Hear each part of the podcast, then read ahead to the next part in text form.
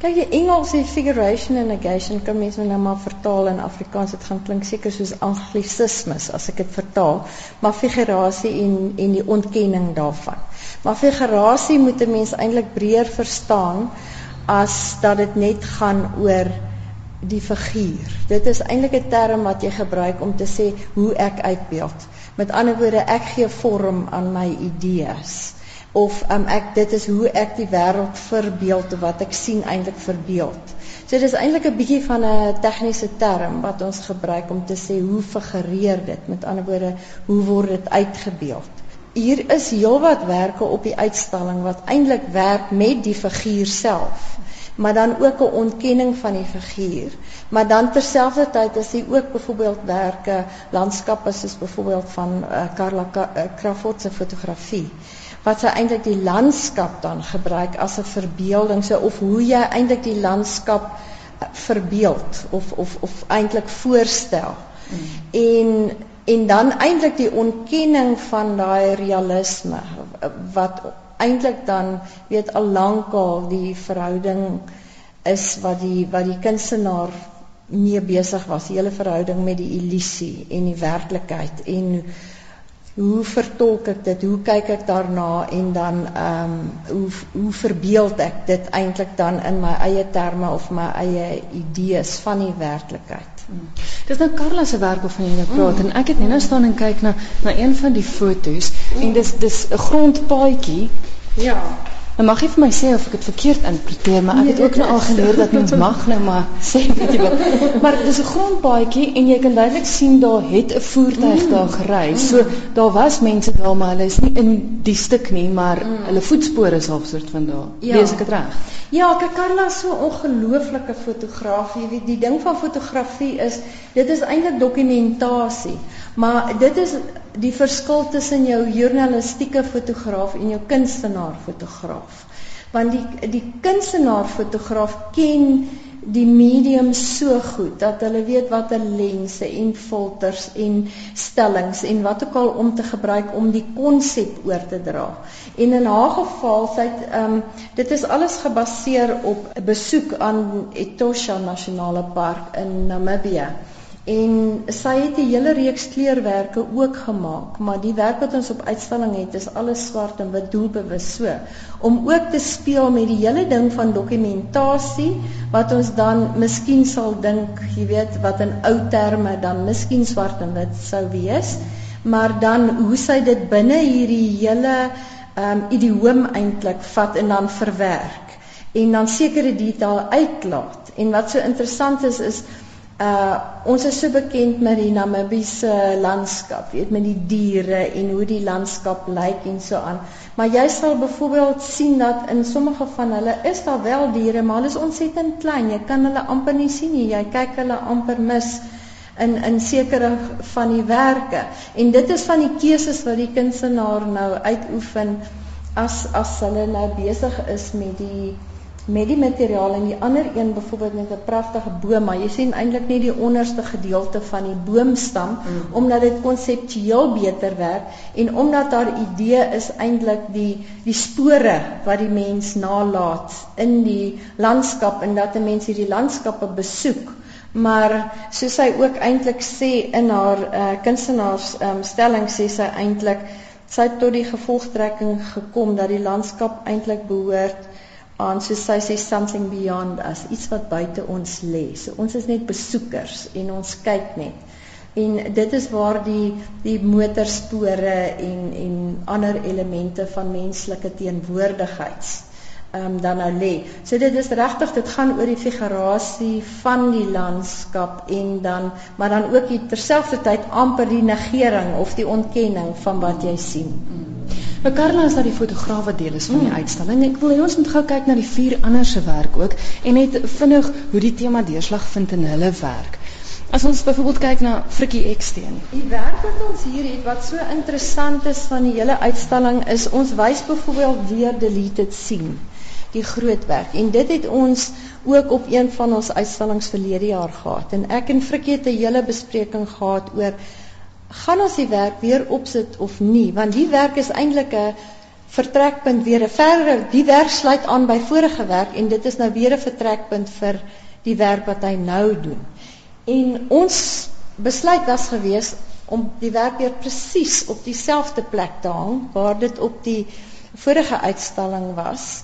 Ehm um, te gaan hang doelbewus en dan omdat ehm um, die een figuur wat jy sien in deleted sien is uh byvoorbeeld die kop daarvan is uitgetrek en dit is gebruik nou byvoorbeeld vir die werk wat jy dan hier sien. Oh. Ehm um, wat eintlik 'n verdere verte, uh, uh, vertolking is en 'n verdere interpretasie is van die figuur. En sy werk is natuurlik alles 'n verwerking van, of of die oorsprong daarvan is 'n uh, hele klomp uh, amptelike portrette van fisiekanseliere van die Universiteit van Pretoria wat ehm um, geproduseer is tussen 1918 en 2008. En hy self het ook sommige van hierdie portrette was hy gekommissie om te doen vir die universiteit.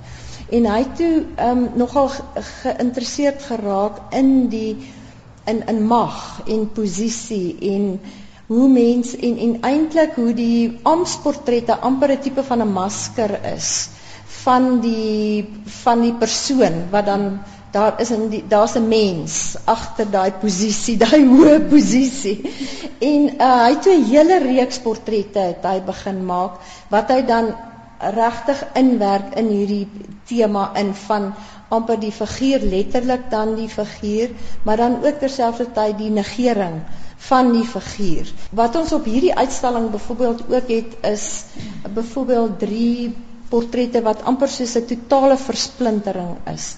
Dit lyk of die figuur eintlik uitmekaar uitgebars het en versplinter het wat dan ook weer verder verwys na hoe identiteit eintlik 'n rol is wat jy speel baie keer. En as jy miskien nou in in, in 'n sekere posisie aangestel is of wat ook al of enige ander rol wat ons eintlik het in die samelewing, is eintlik eh, dit is 'n rol wat vir jou gegee word en wat jy dan uitspel uit en uitspeel en wat baie mense voel is hulle voel 'n bietjie verdeel Want as jy by die huis kom, is jy een mens en as jy werk toe gaan, is jy 'n ander mens of in 'n ander omgewing soms. Hmm. Net so dit is so half so amper 'n tipe van 'n identiteit wat ontwikkel met verskillende fasette.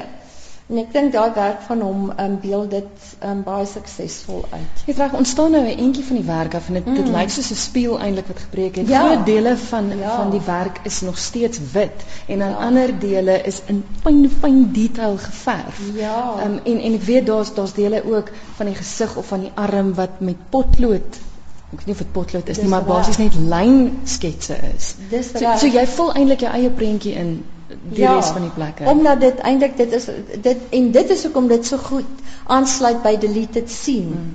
Want dit voel eintlik of jy amper nou in in 'n rekenaarterme gedelete het. Jy weet sekere dele is net heeltemal uitgeblok en is wit en dit is nie daar nie. En dit is soos jy sê, in jou verhouding tot die gemeenskap en tot ander mense in so aan word sommige van daai identiteit word half ingekleur mm. deur die gemeenskap en deur uh, wat gebeur met ehm um, in in in jou jy weet die wese in die wêreld die die dasein en ehm um, in daai interaksie. Hier's nou twee skape, 'n wit en 'n swart skaap wat op hulle agterente sit. Ja, wie se werk is dit? Dis die werk van Wilma Cruz. Uh haar vorige uitstalling wat sy gehad het, het sy uh, met Alice in Wonderland um, gewerk met die hele verhaal daarvan. En hierdie is eintlik 'n verdere vertolking van hierdie uh dier-mens verhouding. En dan um, in hierdie um, stelwerke gebruik sy eintlik die skaap spesifiek om om sy kyk eintlik na die ontologie van die skaap en bietjie ook na die geskiedenis van die skaap. Sy ehm um, verwys ook byvoorbeeld na die ehm um, Agnus Dei, die die lam van God wat eintlik die dan ook die die kruisiging is en dan sien jy ook op die voetstuk sien jy eintlik ook dan die kruis. Mm. En baie van haarwerke die afgelope paar jaar wil ek eintlik sê amper die laaste 2 dekades is baie gegrond in verganklikheid en die mense ver, verganklikheid en amper jou verhouding met die lewe hierna. Ek weet sy het, dit klink miskien nou 'n bietjie morbied om te sê, maar sy het op 'n stadium gesê dat soos wat sy ouer word, is daar amper nie 'n dag wat verbygaan wat sy byvoorbeeld nie dink aan die dood nie en wat sy dink aan die lewe hierna nie en uh, watter vorme mens sal aanneem en jy weet waarna toe gaan 'n mens eintlik en die vervorming en die ontliggaming wat dan eintlik plaasvind. Ehm um, wat jy weet as as 'n mens nou glo aan 'n lewe nou na na die dood, dan is daar heeltemal dan neem jou wese neem heeltemal 'n ander vorm aan. En ek dink dit is waar die drie koppe dan inkom waar die mens soos wat ons die mens sou ken of dan die figurasie van 'n mens hoe dit dan eintlik verdwyn of en, en verander word, getransformeer word in 'n heeltemal 'n ander vorm waar ons in die een beeld amper net oë sien, die ander een oë en 'n mond en dan nog weer 'n ander figuur. Hoekom staan die koppe op boeke? Die boeke, ehm um, ek het ook nogal gewonder daaroor en my interpretasie daarvan is ek dink dit is geskiedenis want 'n boek dokumenteer gewoonlik of jy nou kyk na 'n roman of jy kyk na 'n feitelike boek dit skep vir jou 'n verhaal. So daar is 'n tipe van 'n narratief wat uitspeel.